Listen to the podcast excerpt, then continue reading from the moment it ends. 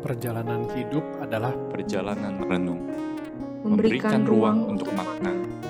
cinta Dan dan, perjuangan. Berdiamlah dalam ruang itu, bersama Sang Firman. ruang Ruang renung.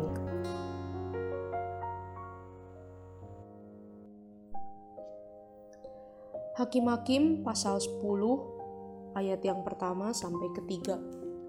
Sesudah Abimelek, bangkitlah Tola bin Pua bin Dodo, seorang Isakar, untuk menyelamatkan orang Israel. Ia diam di Samir, di pegunungan Efraim, dan memerintah sebagai hakim atas orang Israel 23 tahun lamanya. Kemudian matilah ia, lalu dikuburkan di Samir. Sesudah dia bangkitlah Yair, orang Gilead, yang memerintah sebagai hakim atas orang Israel 22 tahun lamanya. Pasal 10 ayat yang ke-6. Orang Israel itu melakukan pula yang jahat di mata Tuhan. Mereka beribadah kepada para Baal dan para Asitoret, kepada para Allah orang Aram, para Allah orang Sidon, para Allah orang Moab, para Allah Bani Amon, dan para Allah orang Filistin. Tetapi Tuhan ditinggalkan mereka, dan kepada Dia mereka tidak beribadah. Lalu bangkitlah murka Tuhan terhadap orang Israel, dan Ia menyerahkan mereka ke dalam tangan orang Filistin dan Bani Amon.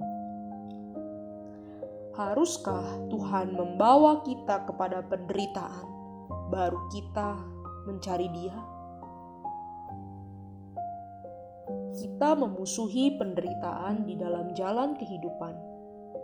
Kita tidak suka ketika jatuh sakit, mengalami kebangkrutan, putus hubungan dengan orang lain, menghadapi kegagalan, atau rencana-rencana kita sepertinya tidak berjalan.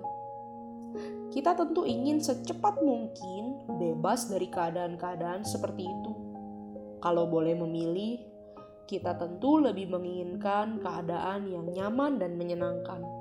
Ketika semua rencana tercapai, semua yang kita lakukan berhasil, badan kita sehat, uang kita cukup, relasi-relasi kita baik, dan segala sesuatu ada dalam genggaman. Tetapi sejarah yang dicatat di dalam kitab suci dan kehidupan manusia menunjukkan kepada kita bahwa justru keadaan aman sering kali menjadi pedang pemisah antara kita dengan Tuhan. Kita seolah-olah dapat dengan mudah dibius oleh manisnya kebahagiaan dan indahnya kenyamanan. Sampai seperti tidak lagi membutuhkan Tuhan. Buat apa minta tolong Tuhan kalau semua sudah dalam genggaman? Buat apa bergantung pada Tuhan kalau hari-hari berjalan tanpa gangguan? Entah mengapa, kenyamanan dan kebahagiaan yang Tuhan berikan justru menjadi ilusi yang membutakan mata kita. Gemak kasih Tuhan yang dipancarkan justru membuat kita tuli dari suara Tuhan yang sebenarnya. Dalam sekejap kita seperti tidak bisa lagi mendengarkan suara Tuhan karena tertutup dengan bisingnya kebahagiaan dan gaduhnya kenyamanan. Tidak heran penulis bernama C.S. Lewis berkata bahwa penderitaan adalah mikrofon Tuhan untuk memanggil kita kepada Dia. Terdengar jahat bukan kalau Tuhan sengaja memakai penderitaan untuk membuat kita berpaling kepada Dia. Tapi lihat dulu catatan Hakim-Hakim pasal 10.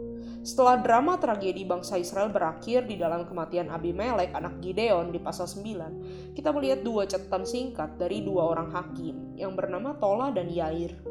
Sangat tidak banyak keterangan atas diri mereka. Hanya nama, keterangan tahun, masa pemerintahan, dan keamanan bangsa Israel. Tetapi dari catatan pendek ini, kita justru bisa melihat bukan bahwa bangsa Israel hidup aman dan nyaman di dalam perlindungan Tuhan. Tola memerintah 22 tahun.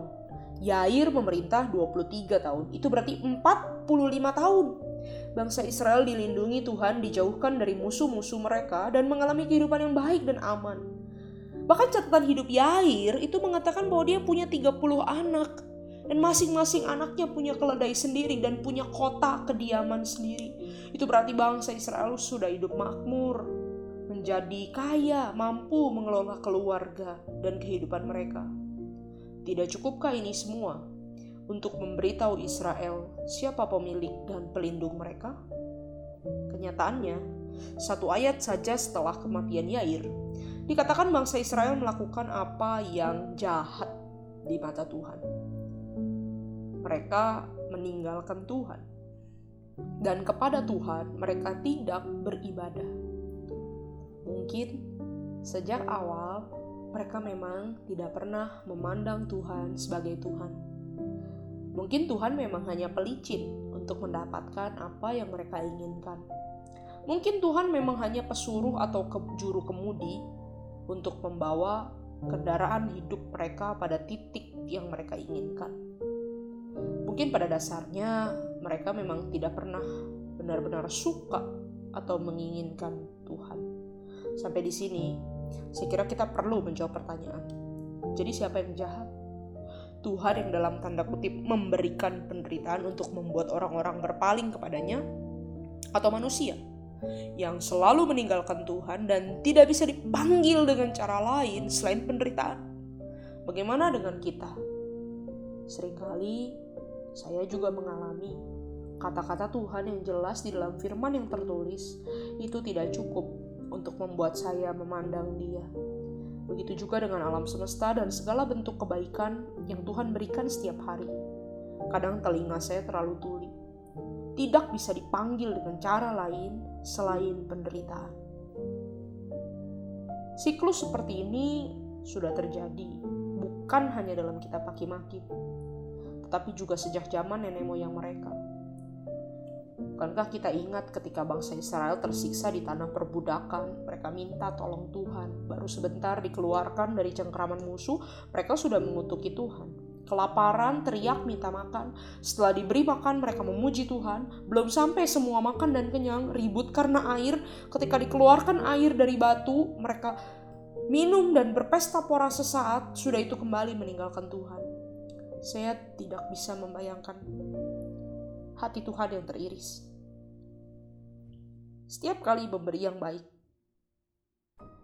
Tuhan tahu bahwa pemberian ini justru hanya akan menjadi pisau belati yang merobek relasinya dengan umatnya.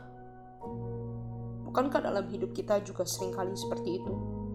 Minta tolong kepada Tuhan untuk ujian kita diberikan nilai yang baik. Setelah kita diberikan ujian dengan nilai yang baik, kita masuk ke perguruan tinggi yang kita inginkan, dengan cepat kita menjadi lupa kepada Tuhan. Seringkali kita minta teman hidup atau pacar, dan ketika Tuhan berikan, kita terhisap dengan kesenangan yang akhirnya membutakan kita dari Dia. Seringkali kita minta pelayanan, kita diberkati, tapi setelah kita melayani Tuhan, kita langsung dibutakan oleh pujian manusia dan perasaan berhasil. Apakah pemberian yang Tuhan berikan harus selalu menjadi pisau belati yang merobek relasi dia dengan kita. Jika demikian, masuk akal kalau Tuhan sering memberikan kita kehilangan demi kehilangan, supaya kita tahu bahwa kita memiliki Dia dan Dia ingin memiliki kita. Adalah benar perkataan Corrie ten Boom yang berkata, bahwa Tuhan mungkin baru menjadi satu-satunya yang kita butuhkan ketika Ia adalah satu-satunya yang kita miliki.